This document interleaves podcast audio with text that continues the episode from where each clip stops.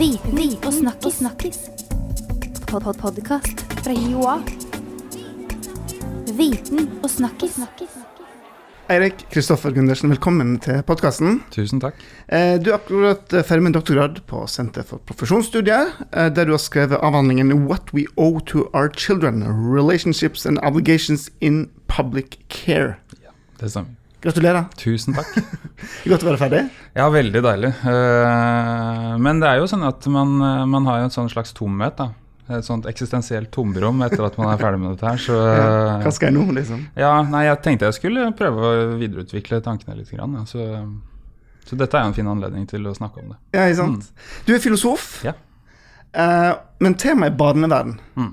Og, og da lurer jeg på hva i alle dager har en eh, filosof med barnevern å gjøre? For, barnevern å gjøre? Fordi vi utdanner jo fantastiske barnevernsansatte her på Oslo OsloMet. Mm. Og så kommer det plutselig en filosof inn her og skal mene masse. Ja, altså barnevern er jo et tema som berører den, særlig den delen av filosofi som jeg jobber med, da, altså etikk. Uh, For det første så er jo eh, etikk veldig sentralt i sosialt arbeid og, og barnevernpedagogutdanningene. Eh, og så kan man jo spørre hvorfor er det det? Uh, det har nok veldig mye å gjøre med at, uh, at man for det første har ramma dette her inn i et lovverk og en fagterminologi hvor, hvor det flyter med moralske begreper som respekt, som velferd, som barnets beste osv. Så sånn. Og da blir jo spørsmålet hva legger vi i disse begrepene? Og det er jo en sånn inngangsport for, for filosofien. da. Og sånn helt generelt så, så kan man jo også si det at dette er, det handler om voksenpersoner som, som får et ansvar for å ivareta barn og unge i barnevernstilfellet, som er i en veldig veldig sårbar og utsatt situasjon.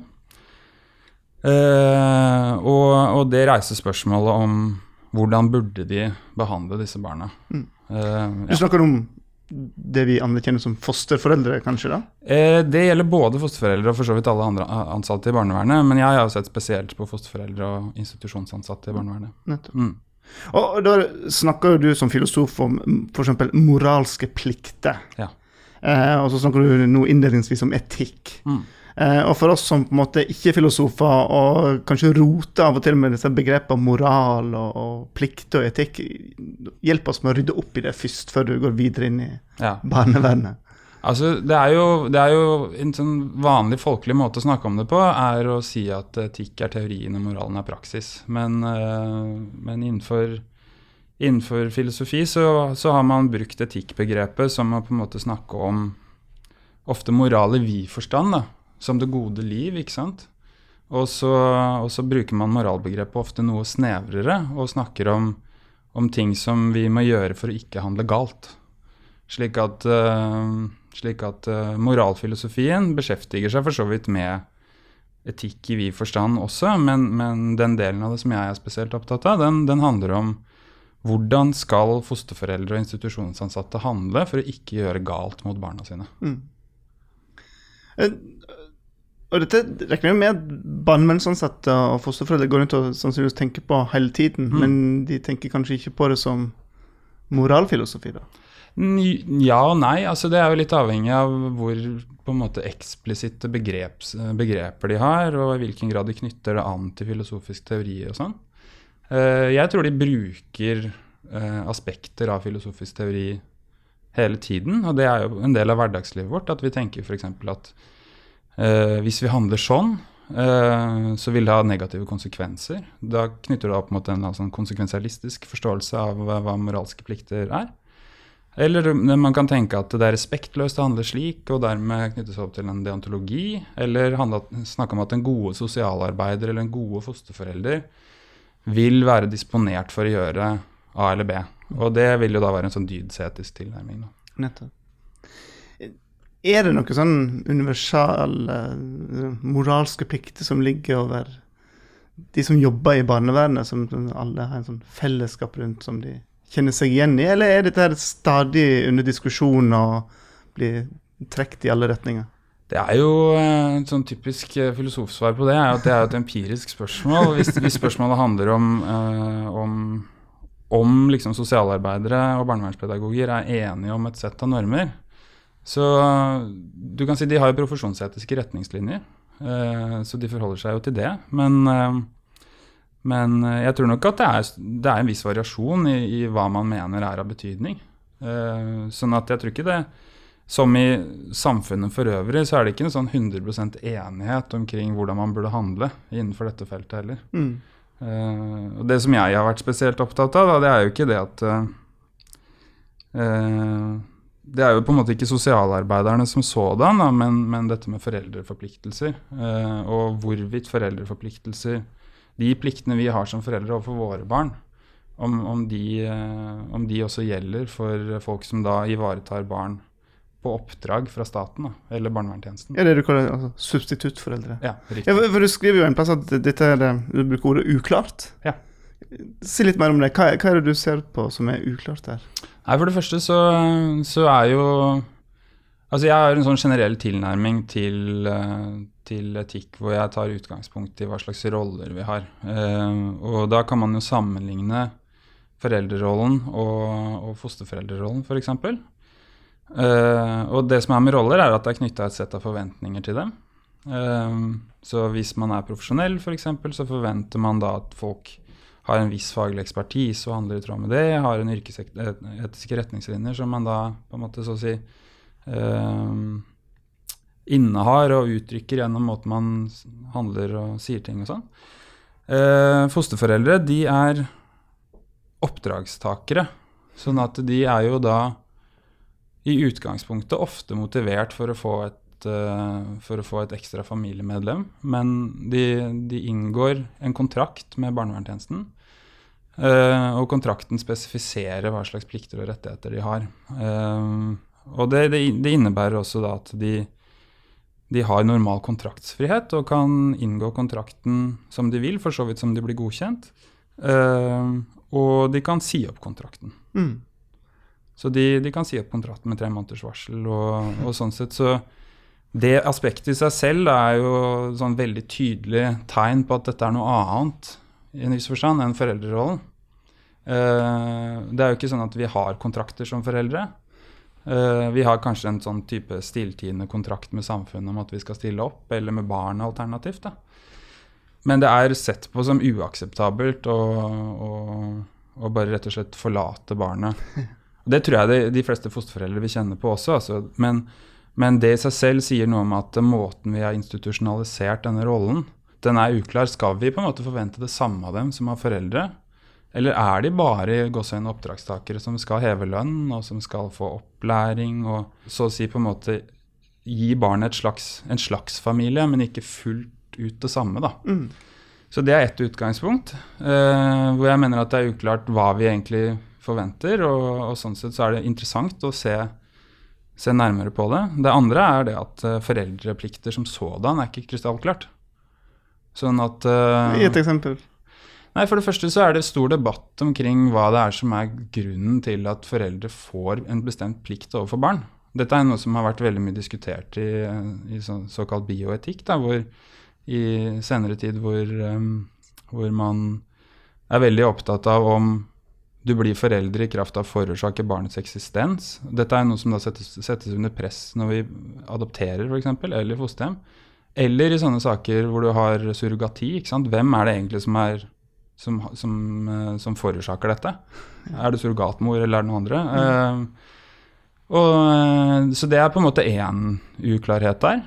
en annen uklarhet er jo innholdet i plikten. det er veldig vanlig å si at foreldre skylder barnet det beste, eller at det er barnets beste som så å si er liksom det man skal drive og vurdere som forelder. Eh, men så er det jo andre som mener at dette er for krevende. ikke sant? For det første så kan jo det å i stor grad liksom prioritere sitt eget barn, det kan jo gå utover andre unger. Det kan gå utover andre foreldre. Kollektive hensyn. Og i tillegg så kan det jo gå utover en selv at det er for mye å forlange, rett og slett. da. Sånn at i hvert fall Du kan si hvor krevende denne plikten er. Det er en annen måte å si at uh, ja, kanskje egentlig er det ikke sånn at vi, vi ønsker å, å, kreve så mye av foreldre, men vi ønsker en anstendig forelder. Og så I tillegg så griper jo da ikke staten inn før man er kanskje liksom uanstendig. da. Sånn at uh, det er en hel, hel del forskjellige terskler, kanskje. Uh, og muligens også ulike måter å resonnere omkring sin egen rolle på. Mm. Som gjør at uh, det er behov for å For å klargjøre og drøfte litt ulike måter å forstå det på, og hva slags konsekvenser det har. Men, men nå drar du jo opp store spørsmål. Mm. Jeg, jeg skjønner godt at dette er uklart. Men, men er, det, er det noe mulig å få dette mindre uklart i hele tatt? Eller er dette ting du egentlig bare mener at vi må være bevisst? Eller kan noen gå inn og skrive noe i lovsform her at nei, vi må justere og bli mindre uklare? Jeg tror jussen altså jussen kan jo hjelpe noe, men jeg tror den er, li, er litt begrensa hjelp. Fordi at uh, det er veldig sjelden at, at lovgiver går så tungt inn i konkrete spørsmål som dette her. Man, man angir ofte liksom mer generelle standarder, som at man skal handle til barns beste eller handle forsvarlig, eller noe sånt, sånn at det blir fremdeles opp til feltet og fagdebatten å å si noe om hva er innholdet i et sånt forsvarlighetskrav, eller hva er innholdet i barnets beste osv. Og, så og så går man, så, så går man litt lenger. altså FNs barnekomité, som har øh, kommentert barnets beste, de, de sier jo litt om hvordan dette prinsippet bør forstås og sånn. Um, og da legger de opp til at det skal være en type resonnering hvor man trekker inn alle relevante hensyn, og så vekter de. Men det er allikevel, som de sier, en konkret vurdering som må til da, i det enkelte tilfellet. Og, og det betyr at det er opp til hver enkelt forelder, barnevernspedagog etc. å gjøre den vurderingen. Men når du er nå inne på barns beste, og så trekker du fram eksempel i stad med denne kontrakten eh, på, som kan sies opp på tre måneder. Mm. Eh, er det barns beste at eh, de kan miste sin, en omsorgsperson på tre måneders varsel? Ja, det er jo et uh, veldig godt spørsmål. Jeg tror liksom det åpenbare svaret sett fra mange ståsteder er nei, men, men, uh, men det er jo et spørsmål som kanskje Det underliggende spørsmålet er hvordan forstår vi barnets beste, og, og hvor viktig er det? Du stilte spørsmålet i stad om filosofien, eller om jeg eller andre kan bidra til å få litt mer klarhet i dette feltet. Og det som man i hvert fall kan få fra filosofisk teori, da, det er jo en sånn en del bidrag som er gitt opp gjennom filosofihistorien, hvor man har prøvd å klargjøre litt hva er, hva, hva er et begrep som barnets beste? Hvordan forstår vi det? Hva slags prinsipp er det, eller standard er det? Uh, og hva er et begrep om respekt og alle disse tingene her. Så da kan man jo på en måte prøve å hvert fall si at det finnes én forståelse, og så kan man drøfte den kritisk. Uh, og det er jo litt det jeg har gjort i, i avhandlingen. Da. Så, så for å da komme nærmere inn på begrepet om barnets beste, da, så er jo så, så har det har vært diskutert og kritisert innenfor filosofisk teori og juridisk teori eh, ja, innenfor det som er på en måte i skjæringspunktet med filosofien, i hvert fall siden 70-tallet. Og ut, utgangspunktet for, for, for, debatten har jo vært eh, noen kritiske artikler av, eh, av juristen og rettsfilosofen eh, Robert Nukin, eh, som i utgangspunktet argumenterte for at barnets beste er, er ubestemmbart. Eh, så det han sa sånn i grove trekk, det var det at eh, vi, vi kan ikke for det første liksom vite fullstendig hva det er som er av relevante hensyn, og vi kan heller ikke forutse eh, hvordan, hva slags konsekvenser det skal ha. Og den ideen om barns beste som ligger til grunn for det, det er en form for sånn nyttemaksimerings, individuelt nyttemaksimeringsprinsipp, uh, hvor tanken er den at uh, um, man skal trekke inn alle relevante hensyn som, er, som, som, fremmer barnets velferd, eller som har med barnets velferd å gjøre, uh, vekte de. Um, så man f.eks. tenker at uh, hvis det har med familie å gjøre, så er det kjempeviktig, eller skole å gjøre, veldig viktig. Så kan man gi de en verdi, ikke sant. Um, så kalkulerer man da inn uh, sannsynlighet for at du får et bestemt resultat der, gitt forskjellige alternativer. Og, og risiko knytta til de forskjellige alternativene. Og så får du ut en ratio til slutt, da. Mm. Så det er en veldig sånn kvantitativ vurdering som utelukkende handler om det som på en måte er en del av velferden til ungen. Um, og som utelukkende handler om konsekvenser. Men jeg har sånn to hovedinnvendinger til det. da. Det ene er det at um, jeg er usikker på om, om, det er galt å ikke maksimere. Så i et sånt uh, i et uh, tilfelle så kan man tenke seg f.eks. Um, her i Oslo, da. ikke sant? Mange gode skoler eller barnehager og sånn. Eh, og det er veldig mange som, som oppnår liksom Jeg har kikka litt på dette med at jeg har en liten sønn eh, sjøl, som oppnår sånn 3,9 og 4, og som er veldig da høyt rangert, ikke sant. Så hvis jeg har to alternativer, da, og det ene er kortere hjemmefra, Mm. eh, men er 3,9, og så er det en som er litt lengre og litt mer kranglete for meg, men som er 4 Altså ratingen på Ja, barnehagen ja. tenker på? Ja. Og de har sikkert da tatt inn alle La oss si at de har tatt inn alle relevante hensyn og sånn, ikke sant. Mm. Og jeg opplever selv at det kanskje er marginalt bedre, det fire da, enn 3,9. Har jeg da en plikt til å, til, å, til å plassere ungen i den beste? Eh, For meg så er det litt sånn uklart, fordi at uh, sannsynligvis så vil det være veldig bra. Det vil være ulike kvaliteter ved disse to eh, barnehagene osv. Men derimot, hvis det var sånn at eh, det, de barnehagene i nærmiljøet mitt alle sammen var ganske dårlige, sånn at eh, det var knytta ganske betydelig risiko til, til hver av dem, så ville, så ville en sånn vurdering av konsekvensene vært mye mer pressende. Da. Eh, og da er man over, ikke, ikke på barnets beste, men på, en sånn, på, det, på et skadeprinsipp. Ja, sant. Sånn at eh, eh, et poeng som jeg prøver å trekke opp i den, i den eh, i det kapitlet om barnets beste i avhandlingen, det er at, eh, at maksimering i seg selv er ikke nødvendigvis så viktig, men minimering når det er knytta til risiko, kjempeviktig. Eh, men da gjør man ikke en barnets beste-vurdering. Og så er eh, og så er det et annet sånn mer generelt spørsmål som ofte dukker opp i barnevernet. Det er liksom at det beste kan bli det godes fiende. Da? At man kan For å prøve å finne fram til det absolutt beste alternativet, så har jo det ofte prosesskostnader som gjør at uh, du kanskje ville kommet bedre ut gjennom å gjort en annen type vurdering. Uh, og det er for så vidt Man kan jo argumentere mo- mot det og si at det er også en type barnets beste-vurdering som vil ligge til grunn for en sånn vurdering. Men resonneringen som du gjør når du fatter beslutningen, vil være annerledes. Da, for da leter du etter et godt nok alternativ.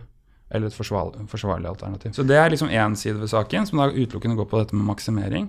Og så er den andre siden ved saken, som går på velferd. Og velferdsbegrepet er utrolig vanskelig å definere. Men, øh, men det kan handle om liksom lek, helse, øh, deltakelse. øh, bruk av praktisk fornuft, altså lære å resonnere og handle osv. Uh, og dette er jo komponenter i et godt liv, ikke sant, å utvikle visse ferdigheter. Både å ha en realistisk mulighet for det. Så det er veldig viktig rettferdighetsteori. Men uh, spørsmålet er hvordan, uh, hvordan definerer vi et sånt sett av goder når vi diskuterer barn? Og der, der har det kommet noen nye forslag, men, men de har det problemet at de, de fanger ikke inn alle relevante aspekter. det som jeg har vært spesielt opptatt av, det er det at hvis vi diskuterer omsorg overfor barn, da, som vi oppfatter som veldig sentralt i foreldre-barn-relasjonen, og også i, i, barnevernet, så vil jo et sånt um, velferdsbegrep knytte seg til hva slags uh, konsekvenser eller resultat det å gi omsorg skal få for barnet. Men omsorgen har liksom to objekter. Det er ikke bare de gode konsekvensene, men det er også barnet selv. Og det har jo For å illustrere med et eksempel, da, så, så fikk jeg høre en historie fra en en bekjent av meg som, eh, som hadde vært på tilsyn eh, i en barnevernsinstitusjon. Så han jobbet hos eh, Fylkesmannen. Og, eh, og, der var det en gutt som ikke ville gå på skolen, og som bare lå i, i senga si og, og, nekta å stå opp. Han hadde gått på skolen tidligere, men så hadde ting skåret seg av en eller annen grunn. Og han var i det hele tatt lei seg og demotivert. og Personalet på institusjonen de hadde jo da prøvd å motivere han. Og det, det hadde de gjort gjennom å vektlegge hvorfor skole er bra. ikke sant? At det har gode konsekvenser for framtida hans. Hvis du først får en utdanning, så kan du gjøre hva du vil, mm. osv. Hørte før, ja. eh, men det, det nytta ikke. Så en dag så, så, ringte, så ringte da noen elever fra skolen til han og sa ganske enkelt at uh, de lurte på hvor han var, og håpet at alt gikk bra. Og vi savner deg. Og etter å ha hørt det, så spratt jo han da opp av senga ikke sant? og kom seg på skolen hver dag. Um, og det som jeg tok ut av den historien selv, det var jo nettopp dette aspektet med at det å bry seg, eller vise omsorg, det, det har ikke med liksom personens attributter eller noe sånt å gjøre. Men, eller ikke bare det, men det har fremfor alt Det er en bestemt holdning som, som overfor personen selv. Da.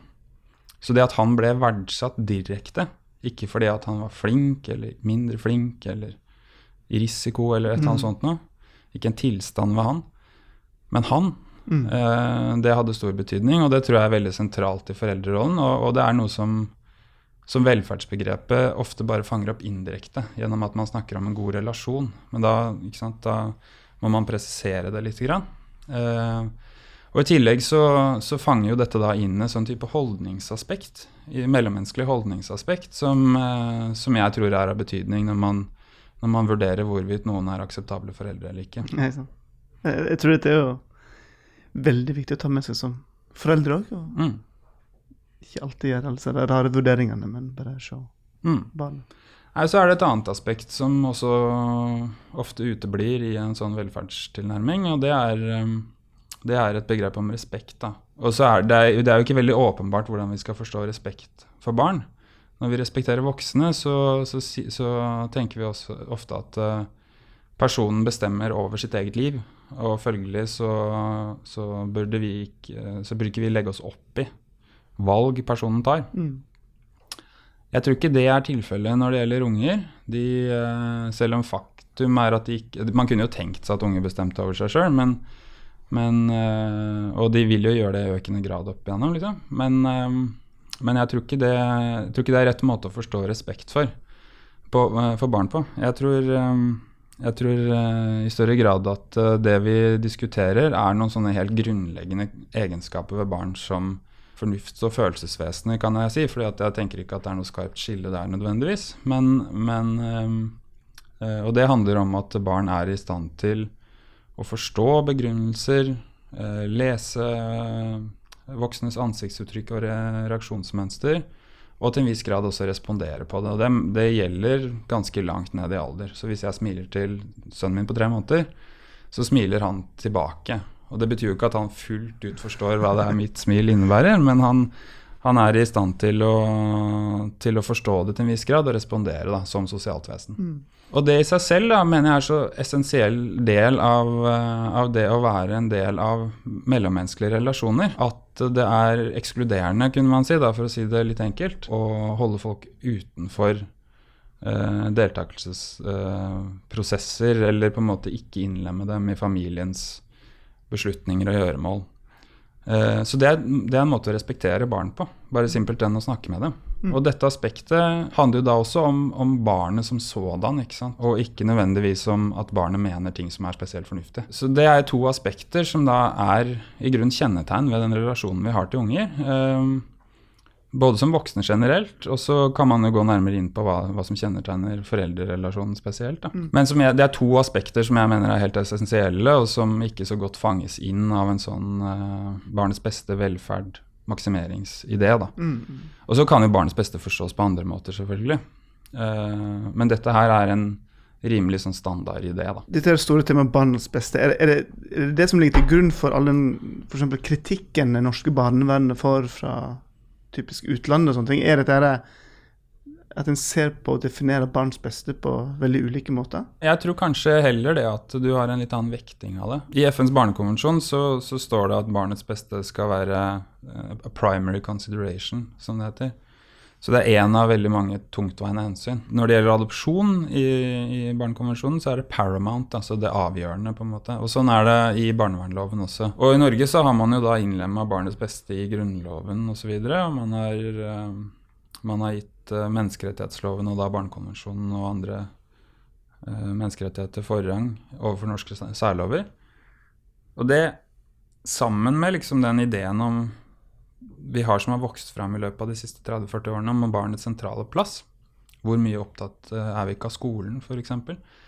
Tror jeg vitner om at uh, man setter barn veldig høyt i Norge. Og man skal ikke så veldig langt utenfor Norges grenser for å se at uh, prioriteringen av barn er litt annerledes andre plasser. Hvor man f.eks. da er mer opptatt av, av foreldrerettigheter, og at det oppfattes som unaturlig at staten skulle skulle komme inn og instruere eller endog hjelpe foreldre. Da.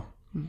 Uh, mens i norsk sammenheng så er, vi, så er, vi, ganske, for det første ganske oppmerksomme på det at staten har et, uh, har et slags bidrag i forsørgeransvaret for barn. Barnetrygd og omfattende nå ikke sant, hjelp fra helsestasjon når folk fødes. Og dette er i ferd med å utvides. og I tillegg forventninger om en svært aktiv foreldrerolle i barnas fritidsaktiviteter. og Det er jo en sånn idé om at man i grunnen burde ofre rimelig mye her. ikke sant? Mm. Og det, det, er ikke gitt at alle deler det synspunktet. Så det tror jeg er litt av bakteppet for den debatten. Da, at man, man, har relativt sett mye mer vektlegging av barn her enn en del andre plasser. Det er jo, men nå, det er vel litt utafor det jeg har skrevet om, da, men jeg har jo et ganske sånn tungt barnesentrisk perspektiv i den avhandlinga mi. Mm. Du Erik, nå forstår jeg litt mer om uh, hvorfor en filosof bør uh, bry seg om å tenke over og diskutere barnevern. Uh, men du åpner opp ganske store dører og store tema her. Mm. og Som selvsagt er viktig å tenke over og, og, og stille spørsmål med. Mm. Men hvordan går en, etter du har åpnet disse dørene og stilt disse store spørsmålene, hvordan kommer en seg videre, tenker du? Hvis vi ikke får til å så å si definere barnets velferd på en måte som, som gjør at vi kan liksom automatisk anvende dette begrepet på enkeltsaker, eh, og vi ikke og det ikke virker rimelig å skulle maksimere alle tilfeller, så er det likevel ikke slik at vi ikke foretar konkrete barnets beste-vurderinger i ulike settinger. Som eh, en av opponentene mine, David Archer, har skrevet i noen av sine artikler, så, så, så, så er det jo slik at vi får til dette her, men vi får det til fordi at vi har f.eks. dommere som, um, som gjør vurderinger av, av, situasjonen ut fra sin rolle. Henter inn alle relevante aspekter som de får kunnskap om, og tar en beslutning på det grunnlaget.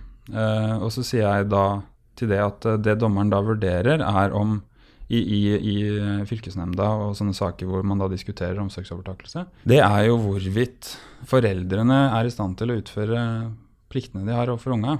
Eh, og, og, det som er utgangspunktet for, eh, for, den vurderingen, er jo en vurdering av måten foreldre resonnerer, oppfører seg på, handler, eh, viser oppmerksomhet for barna sine, prioriterer dem i hverdagen osv. Og, så jeg tenker at vi kan komme nærmere et form for svar på, på disse temaene gjennom å se nærmere på denne voksen-barn-relasjonen mellom, mellom, barn og foreldre. Da. Og neste skritt da, det blir jo å prøve å si noe om hva det er som kjennetegner denne relasjonen. Hvorfor er den verdifull? Og, og skrittet deretter vil jo være å stille spørsmålet om fosterforeldre og institusjonsansatte, som da jeg starta med å si ikke er barnets foreldre, eller det er mm. uklart om er det, om de tilfredsstiller vilkårene for å være barnets foreldre. Mm. Ikke juridisk, kanskje ikke sosialt, men moralsk. da. Hva slags moralske vilkår er det som, som gjelder? Eh, så for å ta en sånn veldig kjapp sveip gjennom den, eh, det resonnementet, så lener jeg meg da ganske tungt på en eh, relativt fersk bok av Harry Brighouse og Adam Swift som heter 'Family Values', hvor de hvor de prøver å forsvare familien. Og det de forsvarer, er da foreldre-barn-relasjonen. Og de sier at denne relasjonen er unik, fordi at den, den lar seg ikke erstatte av noen andre relasjoner. og De sammenligner da familien med andre typer eh, voksen-barn-relasjoner. F.eks. da eh, barn på barnehjem eller israelske kibbutzer eller sånne ting. Og så sier de litt om innholdet i relasjonen selv, bl.a. at dette er en, en paternalistisk relasjon. Det må du forklare. Paternalisme det handler om å, om å, ta beslutninger på vegne av andre som skal være til deres beste. Mm. Så fordi barn er sårbare og avhengige av voksne, uh, så trenger de voksenpersoner som, som, som, tar valg på deres vegne. Den har også en spesiell kvalitet, sier de. Uh, den er spontan og intim og bidrar til å realisere et sett av goder knytta til uh, til barnets interesser og den voksnes interesser, som de kaller familiære relasjonsgoder. Så dette, Og så er det flere aspekter ved det, da, men dette forklarer uh, litt grann av hvorfor familien er verdifull og unikt verdifull, og at det uh, etter deres syn da ikke er noen andre institusjoner som kan, som kan uh, erstatte familien. Mm. Og spørsmålet i forlengelsen av det blir jo selvfølgelig da ikke sant, burde vi, burde vi egentlig bare kvitte oss med fosterhjem eller institusjoner? og og, og, sørge for at uh, barn blir adoptert. Det spørsmålet skal jeg la henge lite grann. Uh, kan vel noen oppleve som en liten brannflakke? Ja, ja, ja. ja, og de har fått masse uh, kritikk i Storbritannia sånn for sine synspunkter, de, altså. Uh, Brighouse og Swift. men de disk altså, den diskusjonen har ikke handla så mye om barnevern ennå. Men når det gjelder da foreldreskap, da, så nevnte jeg jo innledningsvis at man har disse to ideene om foreldreskap i, i, filosofi om at um, du blir forelder hvis du forårsaker barns eksistens. Alternativt så blir du forelder hvis du så å si samtykker eller alternativt avgir et løfte eller noe sånt. Ikke sant? Sånn at eh, hvis man da Hvis man da har har uh, hatt samleie med noen, og det har blitt et barn av det, så vil det, etter den første teorien, den årsaksmodellen, så vil det bare simpelthen handle om at du forårsaka dette barns eksistens og følger foreldreforpliktelse på kjøpet. Eh, så er det en modell som er kritisert. ikke sant? Eh, og så har du den andre modellen, som er at du da gjennom å, å, ha samleie med noen, hvis du da i hvert fall hvis du ikke beskytter deg godt nok, så har du i kraft av liksom de sosiale konvensjonene og sånt, som fins rundt foreldreskap osv., avgitt samtykke til å ta vare på barnet. Og dette passer jo da dårlig som utgangspunkt for, uh, for at fosterforeldre f.eks. For skulle kunne være foreldre under noen omstendighet. For de har verken forårsaka barnets eksistens eller eh, samtykke til noe annet enn å inngå denne kontrakten. Mm. Så det jeg diskuterer, da, det er jo er disse gode forståelsesmodeller. Og det jeg kritiserer årsaksmodellen for, det er hovedsakelig det at um, det er ofte vanskelig å, å knytte, i en del case i hvert fall, knytte årsaker uh, spesifikt til enkeltpersoner. Det kan være veldig mange som er involvert i en annen type årsakskjede. og Betyr dette f.eks. at jordmor skal ha foreldreforpliktelser, eller andre som har bidratt til å forårsake barns eksistens? da? Surrogatisaker er jo enda vanskeligere, og kunstig befruktning osv. Så, videre. så det er jo sånne typiske moteksempler som kommer mot den teorien. da. Uh, det jeg er mer bekymra for, det er det at uh, altså du kan Selvfølgelig så er ikke dette en tilstrekkelig forpliktelse for å få fullt sett av foreldreplikter. Uh, fordi du kan jo være en forferdelig dårlig forelder. Så det ville være galt om vi på en måte da la ansvaret hos en person som åpenbart var uskikka. Så det er, i beste fall så er det bare én av flere betingelser. For det andre så, så mener da noen altså David Archer igjen, da, eh, en ganske, ja, en artikkel fra 2010, så skriver han at uh, plikten din handler ikke om å ta foreldreansvaret, men å sørge for at noen tar det. Du, du, du, du blir ikke nødvendigvis forelder av å forårsake et barns eksistens, men du får en plikt til å sørge for at denne ungen får en anstendig oppvekst. Da. Mm. Men, sier jeg, dette er jo en plikt vi har som samfunn. Fordi barn har disse grunnleggende interessene av en type relasjon, så har vi en kollektiv plikt til å til å sørge for det. Så sånn sett så, så kan ikke det å forårsake barnets eksistens være en nødvendig betingelse for den plikten. Det kan være at det er andre plikter som følger av det osv., men, men det innholdet der, da, det, det, det, tror ikke jeg følger av, av, selve årsaksteorien. Og når det gjelder, gjelder denne samtykkemodellen Det er en del tilfeller hvor det blir misvisende å si at vi i grunn samtykker til det all den stund barnet er noe vi stort sett tilpasser oss til. Vi aner ikke hva Og, og pliktene følger jo av denne ungen som konkret individ i relasjonen, og dermed så, så er det vanskelig å si at man avgir sitt samtykke til noe annet enn det på en måte sett av sosiale konvensjoner, og da ser du helt bort fra barnet. Så, så min idé er jo det at um, det er en bestemt form for avhengighetsrelasjon mellom voksne og barn som, som uh, da utvikler seg, kanskje gjennom eh, svangerskapet, men i hvert fall noen uker etterpå. Hvor barnet blir personlig avhengig av én voksen person, kanskje to. Dette er jo da på en måte i sånn tråd med tilknytningsteori osv., uten at jeg bruker så mye krefter på å snakke om det. Det er utenfor mitt ekspertiseområde. eh, og, så, så, og, dette er jo da noe som, eh, som betyr i praksis at eh, barn kan til en viss grad liksom, legitimt flyttes fra en forelder til en annen direkte etter fødsel. Men vilkårene for å skulle gjøre det jo lenger tida går, avhengighetsrelasjonen utvikler seg, eh, er vanskeligere og vanskeligere. Da. Men dette åpner jo for at fosterforeldre kan, kan få foreldreforpliktelser og utvikle denne personlige avhengighetsrelasjonen til barnet etter hvert. Mm. Og Sånn sett så vil i hvert fall etter den teorien som jeg prøver å trekke opp i avhandlinga, kunne innfri vilkårene til å være barnets moralske forelder. Og da følger liksom eh, følger dette med at eh, relasjonen bør være permanent inn, og, og den resonneringsformen som ligger til det å være forelder, eh, med på kjøpet. Da. Ja, Svære tema du holder på med her, Erik. Ja, det er Og så har du blitt far i tillegg. Ja. ja.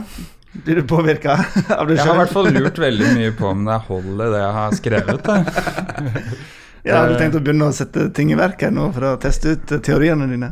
Ja, altså jeg har i hvert fall eh, Jeg har i hvert fall lurt på om de tingene jeg har sagt om omsorg eller respekt og sånne ting, og eh, om, om, det, om det å handle forsvarlig er bra nok som forelder osv. Om de Altså jeg tar jo da til orde for en forsvarlighetsbegrep og ikke barnets beste. Men, eh, men det er veldig mye om foreldreskap som jeg ikke sier noe om. Eh, så selv om det høres stort ut, så, så handler dette primært om, om hvordan man kan tenke omkring det å gjøre galt.